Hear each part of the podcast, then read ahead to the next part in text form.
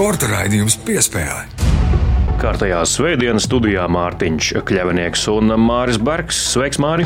Sveiks, Mārtiņ, sveicināt klausītāji! Karsti, karsti ir ārā aiz loga, karsti Studijā arī ir karsti. Es ceru, ka jūs esat kādā pietiekami atvēsinātā vietā vai veldzēties kaut kur ūdens tilpu tūmā, protams, atbildīgi, bet mēs šajā te raidījumā piespēli runāsim par karstu tematu, jo nulekā Latvijas ratiņu basketbola izlase ir izcīnījusi tiesības nākamgad startēt startēt Eiropas čempionāta augstākajā, jeb A divīzijā. Līdz šim komanda spēlēja B divīzijā un izcīnīja ceļa zīmi uz augstāko līgu, tā saucamo, un finālā zaudēja Turkiem, ieguva sudraba medaļas, bet tik un tā tas ir daudz zināms panākums. Runāsim ar diviem no komandas pārstāvjiem.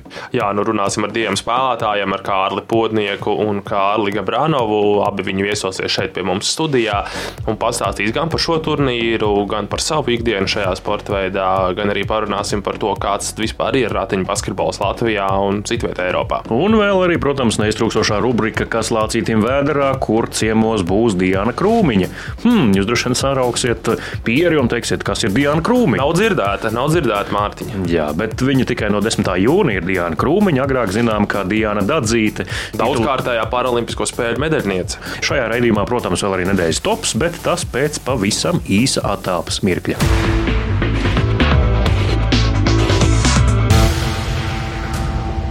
Studijā Mārtiņš Kļavinieks un Mārs Bergs un ķeramies klāt aizvadītās nedēļas spilgtākajiem notikumiem sportā un, protams, numur viens vēsturiskā Latvijas basketbola izlases uzvara pār Serbiem. Pirmā Latvijas basketbola izlases vēsturē uzvara pār Serbiju pasaules kausa kvalifikācijā cīņā par pirmo vietu apakšgrupā. Nu, rudenī Latvijas izlase bija vēl tuvāk uzvarai pret Serbiju nekā pirms pieciem gadiem. Kā atceramies, spēlē Belgradā piedzīvot zaudējumus ar rezultātu 100 pret 101 viens, tikai viens punkts. Bet nu, tā spēle bez aizsardzības, šī spēle absolūta aizsardzības dominants. Nu, nebija jau tā, ka nebija aizsardzības arī tajā spēlē. Tur vienkārši abām komandām krita viss, kas tika palaists groza virzienā. Un šajā spēlē gan tāda kārtīga fiziska aizsardzība, un kas bija varbūt daudziem negaidīta, un arī man mazliet negaidīti, zinot un redzot Latvijas izlasi gadu gaitā, ka mūsējie bija fiziskāki. Visi mēs zinājām, ka serbi ir gari, augumā daudz garu spēlētāju. Lielākā daļa šīs komandas ir divmetrnieki un divi metri un garāki. Par to baidījāmies no fiziskās spēles. Mūsēji bija fiziskāki. Bet uh, kas man iekrita acīs, un es arī apmeklēju pēcspēles preses konferenci, klausījos, ko uh, Svetislavs Pešičs, uh, tātad sērbu galvenais treneris stāstīja, un ko Luka Banki pēc tam stāstīja, un kā viņi abi uzvedās un rīkojās mača laikā. Tad um, Pešičam tika uzdots jautājums, nu, ka Latvija ja otrajā puslaikā spēlēja ar trim mazajiem laukumā, vai jums nebija doma pielāgoties un arī nu, nu, spēlēt tā saucamo mazo bumbu, jeb small ball. Viņš teica, viņš tāds kārtīgs vecās skolas treneris, es nepielāgojos, es trenēju.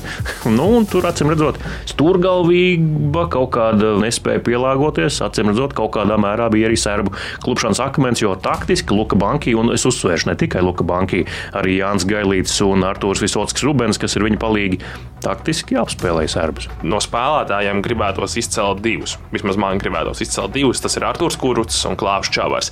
Klaus tika galā ar grozu apakšu. Ja mēs uzvaram spēli pret Serbiju, metot zem 30% kā komanda trīspunktniekus, nu tā tad mēs uz grozu spēlējam. Un uz groza apakšu tikām Klaus, Andrzejs Pasičņiks, eh, arī Andrejs Krāžulis, protams, Jā. arī jāuzteic. Un tad Arthurs Kuruts, kurš sāk otro puslaiku kā saspēles vadītājs, un arī viņš tieši trešajā ceturdaļā bija viens no cilvēkiem, kurš veicināja šo izrāvienu. Trāpīja trīs trīspunktniekus, kas arī pavilka komandu līdzi, tribīnes pamodināja, jo tas pirmais puslaiks, nu tāds miegains vēl bija tribīnēs, tad otrajā puslaikā dzīvojās.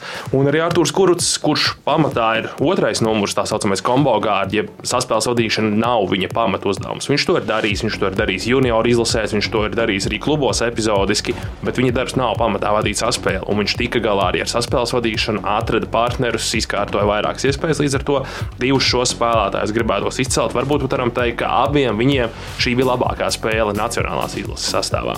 Jāizceļ jau ir visa komanda, jo tas ir visas komandas panākums, kā arī Luka Bankī teica.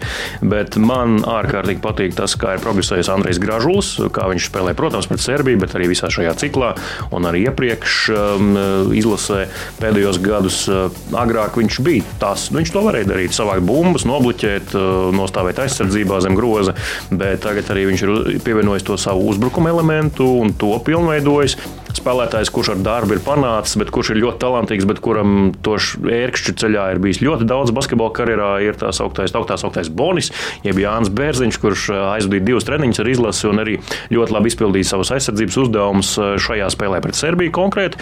Un es, liekas, to esmu teicis visur, kur es vien pieminu Jānu Bērziņu, vai mēs kur runājam par Jānu Bērziņu. Atcerieties, trīs reizes pārautas ceļgala krustveida saites karjeras laikā, viena pēc otras, un eh, pēc trim tādām traumām atgriezties un spēlēt Spānijas ACB līgā šī sezonas sākumā. Un tagad Grieķijas eh, līgā būtu sola bronzas līmenis. Nu, tas, tu, tur viņam bez mazliet piemineklis vien jāuzsver, ka viņš ir profesionālajā basketbolā tik augstā līmenī. Arī tie spēlētāji, kuri netika izsaukti uz šo nometni, ko mēs tur redzējām pēc spēles laukuma malā un arī spēles laikā, protams, laukuma malā, Jānis Strēlnieks. Kristaps Porziņģis, vēl vairāk Latvijas izlases. Rodions Kuruts, Kristers Zoriks. Raudzīsim, redzēsim, bet dodamies tālāk nedēļas topā un par kādu grupiņu laimīgu cilvēku. Un... Par divām grupiņām. un tu jau māri prognozēji, ka tieši Colorado Avalanche cels visticamāk Stanley kausu virs savām galvām, un tas notika īsi pēc eh, pagājušās nedēļas raidījuma izskanēšanas. Colorado Avalanche pārspēja Tampa Bay Lightning un izcīnīja Stanley kausu. Viņiem nācās svinēt izbraukumā. Principā jau ir vienalga, kur to kausu izcīnīt, bet tomēr mājās varētu būt patīkamāk. Bet, nu, Colorado, protams, bija vairāk pelnījuši šajā finālsērijā, ātrāka komanda, vairāk izsalkusi komanda. Colorado aizsargs, astotais numurs, Kēls Makars, arī finālsērijas eh, vērtīgākais spēlētājs. Ļoti atgādājums atgādina Sandu Ozoliņu daudzās niansēs. Varbūt mazliet labāks aizsardzībā. Iespējams, piedod Sandu, bet jā. jā, nu, Kolorādo tā tad uh, pirmo reizi kopš 2001. gada ceļ virs galvām Stanley Kausa. Toreiz komandu vadīja Bobs Hārtlīs, toreiz komandā bija arī Džo Sakiks, kurš šobrīd ir komandas ģenerālmenedžeris. Nu, viņam ir trešais ieraksts Stanley Kausa, jo arī komandas ģenerālmenedžeris tiks ierakstīts uz Stanley Kausa, un viņš arī būs savu Kolorādo čempionu gradzenu godam nopelnījis. Nu, protams, Kolorādo tagad uh, nākamie lielie uzdevumi ir jūlijas sākums, brīvā aģentu tirgus. Tagad kāds ies prom, tā komanda noteikti nepaliks tādā sastāvā, kādā viņi bija. No viena kausa pie cita, un pie cita hokeja kausa, un arī vienas no prestižākajām mm, trofejām hokeja un prestižākās junior hokeja trofejas pasaulē memoriālais kauss ir izcīnīts un par to parūpējusies, un to ir iegūsi St. Jonas Seedāgas komanda, kurā spēlē arī Latvijas Raivs Ansons. Varu pačukstēt radio klausītāji, ka arī pagājušās nedēļas topā mēs runājām par Raivu Ansonu, bet jūs to diemžēl nedzirdējāt, jo nu, raidlaiks ir tikai tik garš, cik tas ir, un kaut kas vienmēr ir jāatstāj aiz kadra. Un, diemžēl šo Raivu Ansona sniegumu apspriešanu mēs atstājām toreiz aiz kadra, bet acīm redzot, Raivis ar to nebija mierā. Tagad, kad komanda izcīnījis kausu, mums par to jārunā arī ēterā. Jā, nu Raivs Ansons memoriālā kausa čempions. Viņš nav pirmais latviešu hokejs, kurš to ir izdarījis. Ir vēl vairāki. Viņš arī bija viens no šīs komandas līderiem. Četrās spēlēs izcēlās ar pieciem punktiem. Viņš bija arī viens no spēlētājiem, kurš veidoja rezultātu. Viņš nebija vienkārši komandā, kas uzvarēja. Viņš bija viens no tiem, kurš uztaisīja rezultātu šai komandai. Cik un kādas iespējas viņam tiks dotas Ziemeļamerikā? Atceramies, ka Edgars Kulda, kurš pirms astoņiem gadiem arī izcīnīja šo trofeju un tika pat atzīts par turnīru vērtīgāko spēlētāju, arī cerēja viņu nodraftēja Nacionālajā hokeja līgā Edmontonas Oilers, cerēja spēlēt vismaz AHL un arī tikt varbūt tuvu Nacionālajai hokeja līgai. Diemžēl nesanāca. Nu, nevienmēr tie, kuri ir izcilnieki memoriālajā kausā, tiem izdodas spēlēt arī profesionālo hokeju ļoti augstā līmenī, bet vairumā gadījumā tas notiek. Bet mēs dodamies uz pēdējo topa pieturas punktu. Un, diemžēl, jā, ar dziļu nopūtu māra izpildījumā piesakām kārtējo reizi rubriku Nedēļas klauns, kas bija noklusus pēc Māra Brieža un Novāka Džokoviča izdarību, arī pieklušanas, bet nu, tagad ir viens tāds diezgan spilgts nomināts šonadēļ parādījies atkal, kurš varbūt pat pārspēja iepriekšējos divus. Nu, noteikti negaidījām, ka tā būs. Ticu, ka klausītāji ļoti labi zina, par ko mēs runājam. Tas ir Mikls Indrišs, Latvijas hokeja izlases spēlētājs. Vai viņš būs Latvijas hokeja izlases spēlētājs tagad, nākotnē? Uh, tas ir jautājums. Jā, jo tas, ko viņš izdarīja, lai gan ne līdz galam, acīm redzot, izdarīja, nu joprojām, kad mēs arī ar jums runājam, situācija nav pilnībā skaidra, bet uh, stāsts kāds. Tā tad nedēļas vidū parādās ziņa, ka Mikls Indrišs ir parakstījis viena gada līgumu ar mm, okupantu valsts Krievijas uh, klubu Maskavas Spartak. Brauks. Turklāt tā nav bauma, ko izdomā, kas ir starpsezonā. Nu, tradicionāla lieta, bauma tās iet tur, tās darīs šo. Tā nav bauma, to paziņo pati komanda. Pavasarī pieņemtie grozījumi sporta likumā aizliedz uh, pēc tam uh, spēlētājiem, kurš ir pavadījis sezonu Krievijā vai kaut vienu sekundi kaut kur Krievijā eh, profesionāli sportojas eh, piedalīties valsts izlases treniņu nometnē. Pēc tam arī, protams, spēlēs nekāda saistība ar valsts izlasi. Tās durvis to aizvērs ciet uz visiem laikiem. Nu, tā šķiet, ka arī ir Mika gadījumā. Nu, Miks pats ne uz zvaniem, ne izziņām neatbildēja, žurnālistiem neatbildēja, Latvijas Hokeja federācijai neatbildēja. Mm, Latvijas Hokeja federācija skaidroja situāciju. Tur savukārt bija pretrunas, ka Latvijas sporta likums paredz, ka ceļš uz izlasi ir slēgts. Tāpat laikā neparedz aizliegumu spēlēt Krievijā. Jā, aizliegts jau nav. Ja tu gribi, tu brauc, Jā. tu vienkārši rēķinies ar sekām. Tāpat laikā Latvijas Hokeja federācijai izrādās, ka ir jāapstiprina Latvijas spēlētāju pārēju no kāda kluba uz klubu profesionālā līmenī, un tas ir jādara arī Mika Indraša gadījumā. Spartaks vēl nav atsūtījis šo transferu pieprasījumu. Hokeja federācija jau plāno, kā būs, ja tāds tiks atsūtīts. Latvijas sporta likums aizliedz apstiprināt šādu pārēju. IHF, jeb Startautiskās Hokeja federācijas noteikumi aizliedz neļaut šādai pārējai notikt, nu, tur pamatīgs skrūspīls. Jā, nu, katrā gadījumā arī sociālās saziņas vietnē es redzēju diezgan daudz cilvēku, kuri tomēr centās Miko aizstāvēt par šo lēmumu, lai gan īsti par ko aizstāvēt viņu šeit nav. Nemaz nav. Un, jā. uh, viņam pašam būtu jāņem visi numuri pēc kārtas, kas viņam ir telefonā, un jāzvan, jā. jāsaka, Klau, Džeki, šī tā nav taisnība, tie ir meli, neticiet, rakstiet, ziņojiet un tā tālāk. Tāpat kā Kaspars Daugoviņš parādījās maza bauma Krievijas medijos, ka viņš varētu atgriezties kā KHL. Un, Daudz viņš uzreiz pateica, nē, tās ir baumas, es pat par to nedomāju, neticēt. Aizklausīsies, ir izskan dažādas versijas, kādēļ Mikam ir ļoti vajadzīga nauda tieši šobrīd. Dažas no tām versijām ir saprotamas, jā, bet tik tiešām līdz galam attaisnot šādu rīcību es nevaru. Un, nu, jā, no tādas personīgās prizmas. Mēs varam būt cīniķi, mēs varam atmest jebko par karu, par visu. Jā, hokeja karjeras ir īsa, viena trauma, tava karjera beigusies, ir jānopelna visu, ko tu vari paņemt paņemt, kamēr tu vari paņemt. Ok, tas viss ir saprotams, it kā no vienas puses. Taču Krievija nav tā vieta, kur tu brauc to naudu nopelnīt. Mātiņa, nu 14 gadu laikā Rīgas dīnāmo ēras laikā, cik bieži mēs dzirdējām par to, ka šī komanda nemaksā, tā komanda nemaksā. Mēs pat varētu skaitīt, kuras KHL komandas ir stabili maksājušas algas. Tas, ka tev piesola lielo naudu, tas nenozīmē, ka tu to naudu dabūsi. Absolūti nē. Un tas, ka Krievijā likumi vai strādā, nu, nebūsim godīgi, mēs visi zinām, kā strādā Krievija.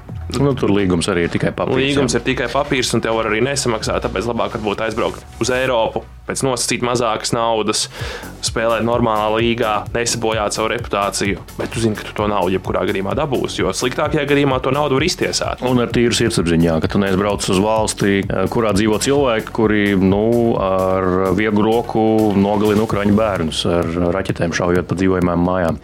Eh, Mik, es ceru, ka tu nāks pie prāta, arī es domāju, ka tas ir nu, savā ziņā tas ir tāds eh, precedents, mācības stunda citiem. Es domāju, ka citi neuzdrošināsies tagad pat vairs runāt, jo viņi zina, ka Hokeja federācija pārējie neapstiprinās, un viņiem tik un tāpat, ja viņi to līgumu būs parakstījuši, nekāda labuma no tā nebūs. Nu, varbūt topa izskaņa ne tik sportiska, bet arī par tādām lietām ir jārunā. Un it īpaši šajā laikā tālāk raidījumā jau solītā saruna ar diviem ratiņu basketbolistiem.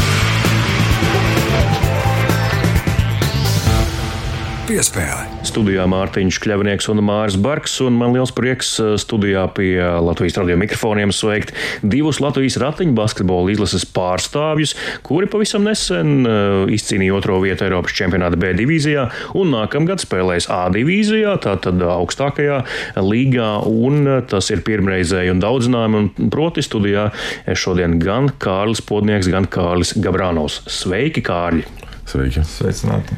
Nu, kungi, kāda ir uh, saldā uzvaras garša, lai gan neuzvarējāt B divīzijā, bet tomēr tā ceļzīme ir rokās un esat apjautuši, ko esat paveikuši? Nu, laikam jāsaka, ka, ja nebūtu tas fināls, mēs būtu izbaudījuši nedaudz vairāk.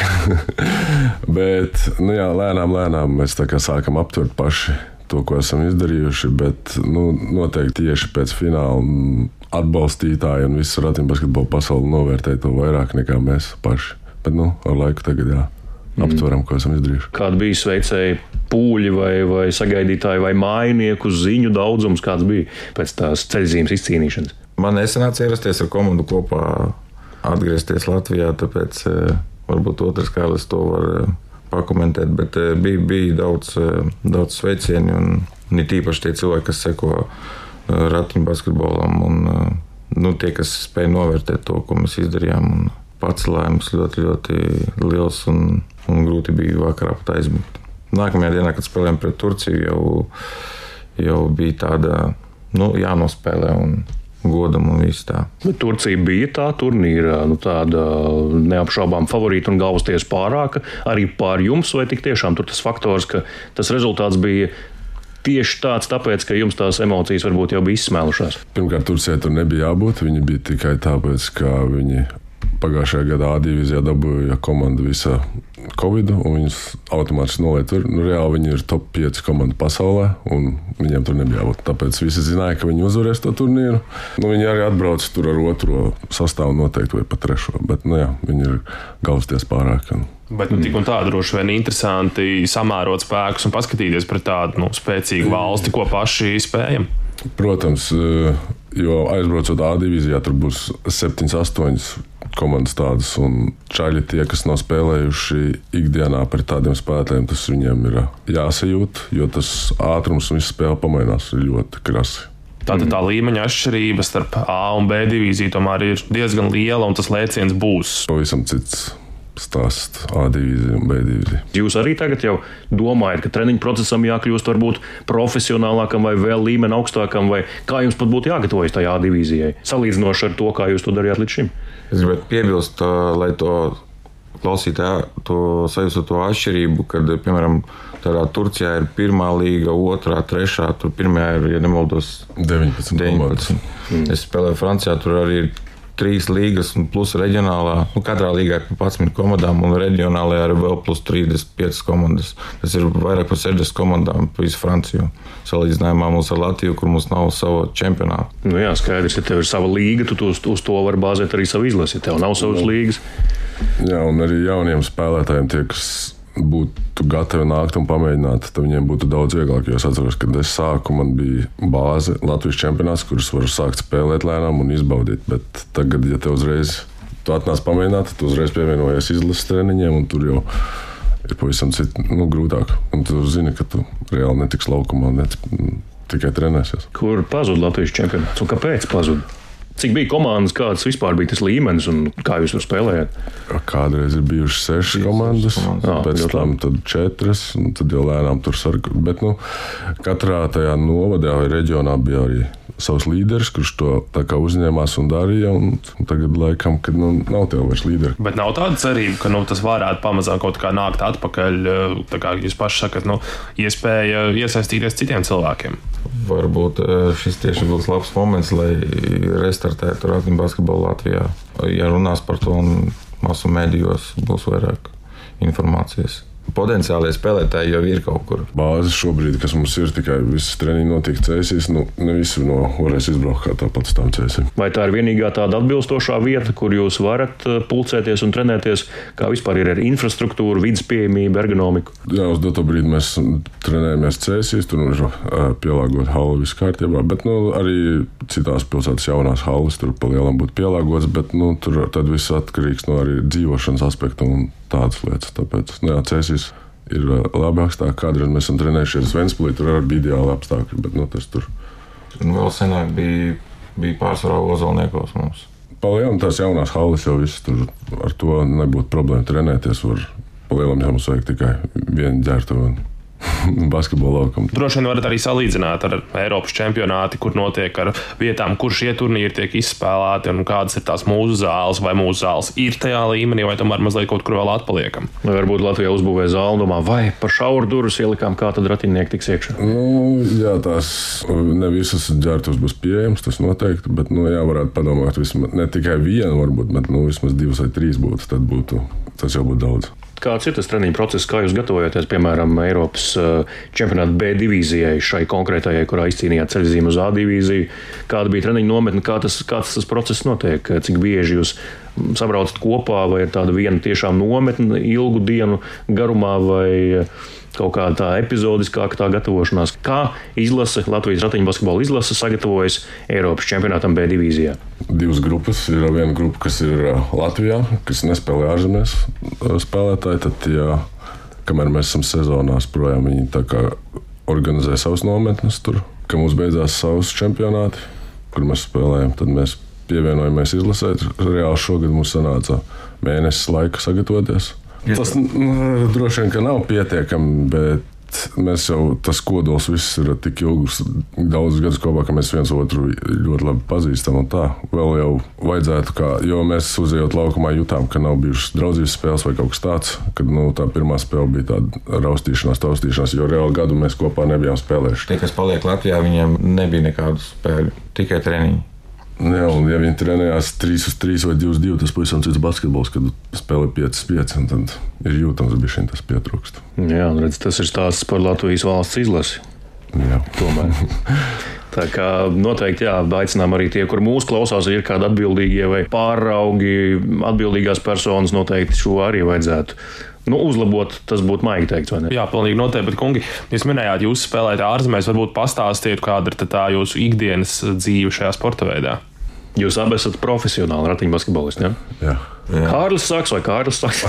Kārlis sāks. sāks Kārlis.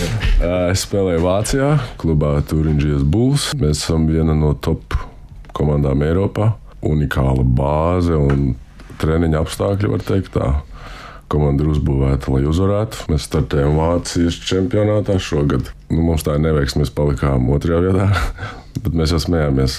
Es biju otrajā vietā, Raimons Beginskis, mūsu komandas biedrs Itālijā bija otrajā vietā. Tad mēs smējāmies, ka mums šogad ar izlasi arī ir. Sudrabs, tā kā sudraba klubiņš. Sudraba gads mums spēlējam Vācijas čempionātā un Eirolīgā, kas ir augstākais, ratiņbasketbola augstākais klubu turnīrs. Tur mēs izcīnījām bronzu. Visi spēlētāji no pasaules brauc spēlēt profesionāli uz Eiropu. Amerikā nav profesionālas līgas un citur arī. Otrs Kārlis arī var pastāstīt par savu pieredzi, par savām gaitām. Es spēlēju pašlaik eh, Francijā.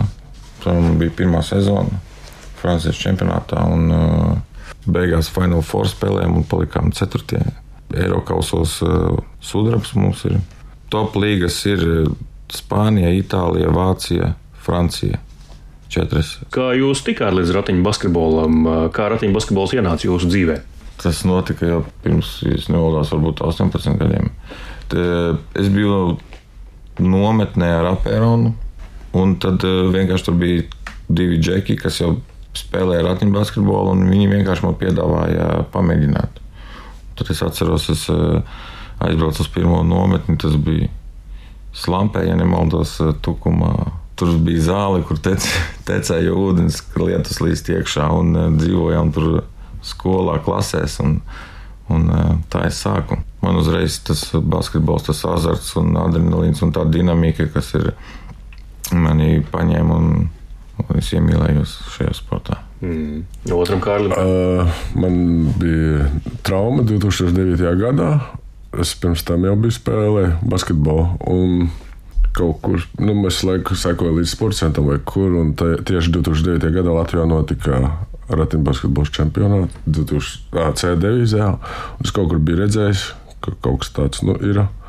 Un es teicu, nu, varbūt pamēģināšu nedaudz kā. Un tad es Vaivaros rehabilitācijā sapazinos arī ar bijušajiem spēlētājiem. Viņi man iedeva kontaktus. Aizbraucu, izlasē bija kāds treniņš, Olimpiskajā sporta centrā. Aizbraucu, gribēju pamēģināt, vai ko, bet tad man teica, ka viņš man pātri, lai pagaidu vēl, lai trauma nomierinās. Un, jā, tad vienā dienā man zvanīja no Rīgas komandas, kad var nākt, mēģināt sākt spēlēt. Tad lēnā garā sāku Rīgā, un tad jau pēc laika pievienojos izlasē uz nometni. Mm. Jo katram spēlētājam ir sava noteikta loma, un kā saka, tur ir klasifikācijas katram spēlētājam. Un, nu, tur nav tā, ka vienkārši uziet laukumā, viss tagad būs metēji, kādam ir jāstrādā melnais darbs. Varbūt pastāstīt sīkāk par tām lomām, kā, kādas tad ir šīs lomas un uh, kuru no šīm lomām jūs katrs arī izpildāt gan savos klubos, gan arī nacionālajā izlasē. Ir noteikta klasifikācija, ko veic speciāli klasifikatori. Tas tāpat ja, kā Paralimpiskajās spēlēs. Jā, jā, jā, jā, tur sadalās. Tur ir sākot no viena punkta un tad līdz 4,5. Un pa puspunktam, jo tu esi 4,5 visveselākais, piemēram, un nu, viens ir vismazāk. Vismazāk, nu, tev visaugstākais bojājums un vismazāk kustīgs, to apmēram tā būs. Un tad izlasēs un klubos ir mazliet atšķirība pa puspunktu, bet tad saliekot 5 spēlētājus kopā uz laukuma vienlaicīgi nedrīkst būt vairāk par 14 punktiem izlasē un klubos 14,5. Tātad, ja tu uzlaiž 2,4,5, jau ir 9 un tev vēl trīs spēlētāji vajadzīgi. Un tad, ja treneri tā arī kombinē, tās viņam tā kā uzlīdz. Tad viņiem tas visu laiku jātur prātā, cik man punktu laukumā. Jā, tev ir jāzina visi spēlētāji, un tev jau viņi ir kalkulē, ja tu uzliek nepareiz punktus, ir tehniskā. Un tad par tām lomām ir um, pārsvarā. Nu, tas ir pieņemts. Ir arī, protams, izņēmumi, bet tā zemās klases spēlētāji viens punkts, pusotrs, divi palīdz tam garajam centram, kas ir pie 4, 4,5 punkti, lai viņš tiktu pie metiena, lai viņš tiktu iekšā zonā 3 sekundžu. Viņi strādā priekšu viņa pārsvarā. Jo ratņu basketbolā viss ir viss noteikts ar blokiem, bet izlasē mums viss bija savādāk. Jo Stāstiet. Izlasē mums ir tā, ka mums eh, jau vēsturiski nav kā citām komandām, stipru garo spēlētāju ārzemēs. Tāda laba līmeņa mums ir divu punktu, pusotru punktu klases spēlētāji. Tad mums tas modelis ir, kad eh, mēs pārsvarā gūstam punktus no ārpuses. Metot un eh, garo Jūs spēlē... ar ko gandrīz neatšķirties no Latvijas basketbola izlases līdz šim. Nu. Protams, tagad ir garo spēlētāju uzziedēšanas laiks ar Andrēju Pasačņiku un Kristapu Porziņu un visiem pārējiem, bet agrāk jau tieši tā arī bija Latvijas izlasē. Jā, mums ir ļoti uh, top klases mazie spēlētāji, un tad, nu, uz mums arī ir tā spēle balstīta. Mm. Tas ir nedaudz grūtāk, jo mums tās kustības un kā mūsu izsit no līdzsvara ir bijis daudz grūtāk nekā, garie to darītu, bet nu, pagaidām mums tas viss izdodas. Mums tas darbs nenotiek priekš garajiem. Mums ir otrādi - garie strādā priekš mazajiem. Jūs varbūt esat kaut kādā veidā inovatori. Golden State Warriors arī tādā veidā mainīja basketbolu. Jā, jā, jā. bet nu, tas ir atkal jāmāk tev pārslēgt, jo klubā, piemēram, es es daru melno darbu, un labi, es uzmetīšu trīs reizes, varbūt. Pagrozi tas jau būs ļoti daudz. Kad nu, man tur nav pienākums. Tad, bet nu, tāpat tev treniņu procesā ir visu laiku jātur zemapziņā, kā tu atbrauc izlases, tev vajadzēs mest un ko, un tad tu strādā priekš tā apmēram. Tad jūs, katrs no jums, es saprotu, nav neviens četri ar pusi, ir kaut kādi divi, divi ar pusi. Jūs esat jā. Kārls ir divi, es esmu pusotrs. Sporta raidījums piespēlē. Tikko dzirdējām interviju ar diviem Latvijas izlases ratiņu basketbolistiem, Kārli Podnieku un Kārli Gabranovu. Nu, turpinājumā šī pati tēma, bet nevis konkrēti par ratiņu basketbolu, bet par vidas pieejamību kopumā un vidas pieejamību sportistiem. Ar titulēto paralimpieti Diānu Krūmiņu, agrāk Diānu Dadzīti, tikās uh, mūsu kolēģis Reinis Grunspeņķis. Kas lācītim vēderā? Šobrīd atrodamies eh, Rīgas centrā, netālu no brīvības pieminiekļa, kopā ar eh, Paralimpisko spēļu čempioni šķēpmešanā Diānu Krūmiņu, bijušo Dadzīti, kur šodien atbrauks uz Rīgu. Sveiki, Diāna! Un, Jā, vispirms pastāstīja, kurā pilsētā pats šobrīd dzīvo un eh, kādēļ pagājušajā gadā atgriezies no Vācijas atpakaļ Latvijā. Nu, sveiki, sveiki! Jā, tagad esmu krūmiņš kopš 10. jūnija, kā tu pieminēji. Un, jā, man bija liels notikums dzīvē, esmu apprecējusies. Un, jā, atgriezos Latvijā pagājušo gadu, tāpēc, kad, kā jau visi zināja, pirms Tokijas manā treneris šķīrās ceļi. Un es vairs neredzēju jēgu palikt kā, Vācijā, un arī gribējās uz mājām, kur ir sava, sava valoda, sava zeme, savs ēdiens, viss, kas saistīts ar Latviju. Un, lai, lai kur tu būtu, mājas paliek mājas. Un, jā, tagad es dzīvoju Siguldā. Īsnībā tas pirmā pāris mēneši bija diezgan pagrūti, jo bija situācija tāda, ka tev bija jāspēj atkal no jauna iedzīvoties citā vidē. Jo, Vācija paliek Vācija un Latvija ir Latvija. Divas dažādas valstis, un atkal bija jāatgūst tā Latvijas mentalitāte. Tas man aizņēma kaut kāds pāris mēnešus, pat varbūt neliela depresija bija, jo likās, ka nu, būs baigi grūti, bet nē, viss kārtībā. Mans vīrs palīdzēja un ģimene palīdzēja atgūt visu to Tad uh, tematiski arī par ratiņu basketbolu šodien parunāsim. Uh, kaut arī Dienas pamatsporta veids ir viegla atletika, un uh, ratiņu basketbolistas karjeru viņa jau ir noslēgusi. Bet pirms tam daudzus gadus dzīvojot Vācijā, spēlēja arī ratiņu basketbolu profesionālā līmenī. Pastāstiet, varbūt, kāda ir tā līga Vācijā, cik tur vispār spēlē komandas, kāda ir tā sistēma tur? Kā jau tikko minēju, spēlēju profesionāli. Astoņus gadus es nospēlēju profesionāli baske, ratiņu basketbolu Vācijas līgā augstākajā.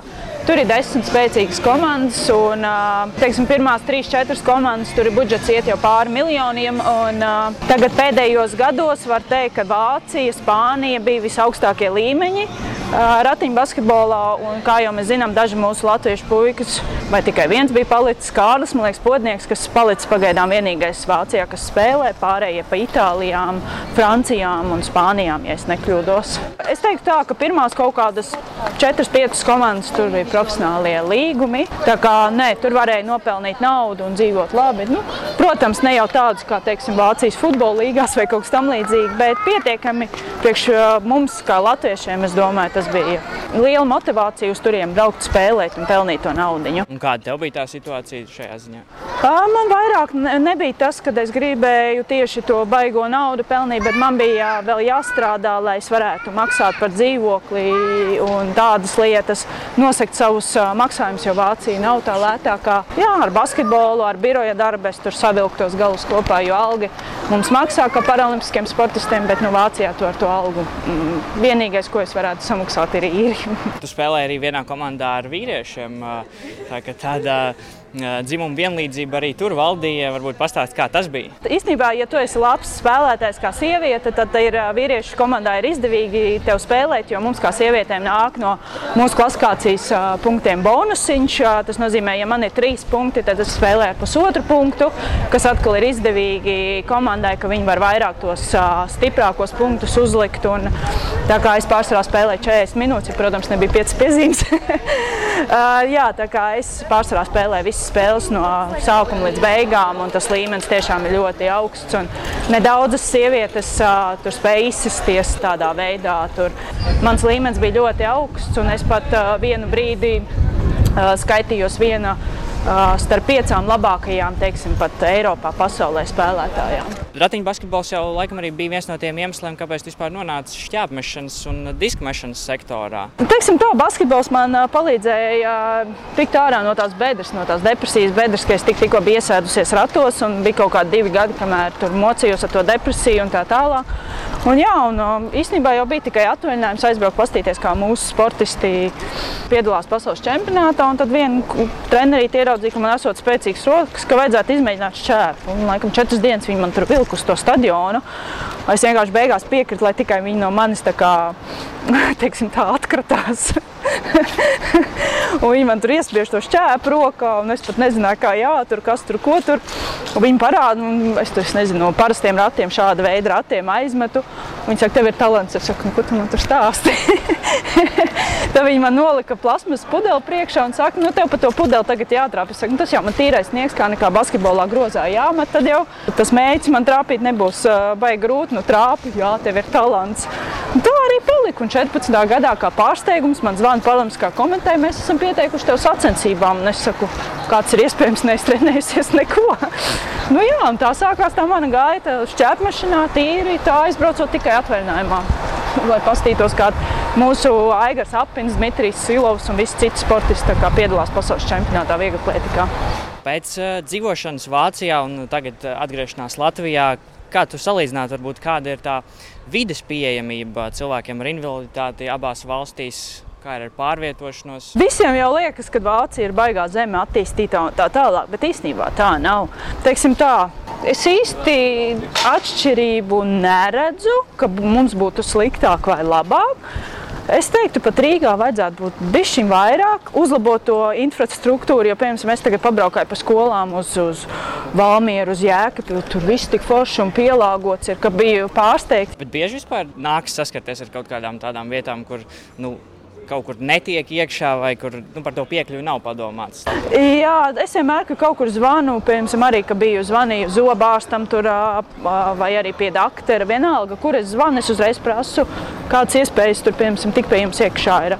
Tad ir uzreiz, jā, netiekat, vai tiekat, piemēram, arī tur skaistumkopšana aiziet tur nagus sataisīt. Jā, es uzreiz zvanu, es saku, tāda tāda situācija. Nu, nekas, mēs pielāgosimies jums, viņi nones galdu lejā. Tā kā cilvēki ļoti atsaucīgi un viņi cenšas tādiem cilvēkiem kā mēs atrast to izēju, lai viņiem arī tā klientūra būtu. Par pašreizējo treniņu procesu dzīvo Siguldā.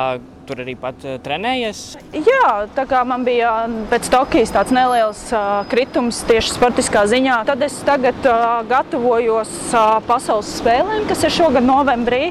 Un tas process man ir atšķirīgs. Tagad ir tikai eju procesā iekšā, bet drīz sāksies man trīs treniņi dienā.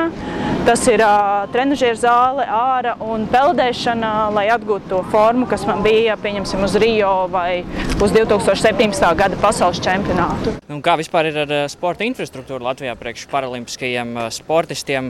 Cik sarežģīti ir atrast vispār tās vietas, kur trenēties un kur arī ir viss nepieciešamais inventārs, par to vidas pieejamību ir padomāts un tā tālāk. Kā jau tu minēji faktu, ka es tagad Siguldā dzīvojos, tad Siguldā ir um, Siguldas sporta centrs, kur uh, mēs ar direktoru speciāli tikāmies, lai apstītos, vai es visur tieku. Viss bija kārtībā, es drīkstu izmantot baseinu, trenižera zāli un tādas lietas. Tur tiešām cepuri nost. Un, jā, trenēties mēs šķēpu disku un grūstu lodi. Es braucu tā kā uz Mūrjāņu stadionu. Tas nav baigi tālu vairs, jo agrāk, kad dzīvoju Rīgā, uz Mūrjāņiem bija gabaliņš, ko braukt. Un arī tās vietas, kur trenēties, bija jāpameklē. Es jau teicu, es pielāgojos un cenšos atrast vienmēr, kur trenēties, kā trenēties. Ja Man arī mājās, ja vajadzēs uztaisīt trenižera zāli, ko es arī Vācijā biju izdarījusi, tā kā bija korona un viss bija ciet. Tā kā vienmēr ir iespēja atrast izēju, vienkārši vajag padomāt. Un, protams, ne visiem tas ir tik vienkārši, bet nevajag padoties un darboties un darīties un iet ārā ielās un bļaustīties, ja vajag. Tagad tu saki, ka tu gatavojies pasaules spēlēm, kas būs novembrī, bet eh, tas uh, ilgtermiņa mērķis ir uh, Parīzē 2024. gadā. Jā, kā es ar vīru runāju, tad uh, mērķis ir 24. gada Paralimpiskās spēles un domāju, pēc tām arī pielikšu punktu savai sportistu karjerai. Jo sports arī ir nežēlīgs savā ziņā, jo tu atdod to ķermeni. Un, un es vēl arī gribu izbaudīt nedaudz dzīvi, ne tikai sportā, bet arī ģimenes dzīvi. Tā, tā kā Jā, tagad ir, protams, acu priekšā tikai paralimpiskās spēles, vārds sakot, gatavojos tām nu, ilgtermiņā, bet step by step sākumā ir jā, jātiek uz pasaules čempionātu nākošais gads, kas ir, ja es nekļūdos, Parīze. Jā, tā kā būs arī gads, kad ir paralimpiskās spēles ļoti smagas, jo būs vēl maijā pasaules čempionāts un tad augusta beigās ir paralimpiskās spēles. Tas ir baigi smagi noturēt sevi formā uz diviem augstākā līmeņa uh, sacensībām. Bet nu, darīsim visu, lai mēs tur sevi cienīgi parādītu un iznesu Latvijas vārdu pasaulē. Latvijas radio pirmā kanāla sporta raidījums piespēle Mārtiņš Kļavinieks un Māris Bergs. Raidījums tuvojas noslēgumam, bet nu, tā izskaņā diemžēl arī kāda skumja vēsts. Piektdien, 1. jūlijā, mūžībā 82 gadu vecumā devās leģendārais Latvijas basketbola treneris Armāns Krauliņš. Treneri Krauliņu noteikti ar labu vārdu atcerēsies daudzas basketbola paudzes. Pirmais Latvijas čempionu tituls viņam atnāca ar Rīgas lokomotīvas sieviešu komandu 1972. gadā. Pēc tam bija arī VF vīriešu meistara komandas vadīšana. Atjaunotās Latvijas vēsturē Armāna Krauliņa vārds saistās ar vīriešu valsts vienības vadīšanu. Armānu Krauliņu laika biedri atceras kā enerģisku un prasīgu, autoritatīvu un autoritāru, principiālu un vajadzības gadījumā elastīgu lēmumos un arī rīcībā. Viņš bija dažāds izpausmēs, bet nemainīgs uzticībā. Kā pats teica, mūsu spēlēja basketbolam. Arī Latvijas radio raidījuma piespēle kolektīvs izsaka līdzjūtību Armāna Krauliņa tuviniekiem un aicina jebkuru, kurš viņu pazina, atcerēties kādu labu atmiņu saistībā ar treneri Krauliņu. Un līdz ar to arī šis raidījums izskan. Prieks, ka varējām uzsvērt ne tikai sportiskās nianses šajā raidījumā, bet arī, piemēram, tādu svarīgu lietu kā vidas pieejamību cilvēkiem ratiņkrēslā. Jā, tā tiešām ir aktuāla tēma cilvēkiem ar kustību traucējumiem. Protams, ka šī tēma ir jāaktualizē un ik pa brīdim ir jāuztur mēdīju virsrakstos. Jā, paldies, ka klausījāties šo raidījumu un tiksimies ar jums jau pēc nedēļas. Tiekamies pēc nedēļas un cerams, ka iztiksim bez nedēļas klauniem topā. Tiekamies! Uz redzi! Sporta raidījums piespēlē.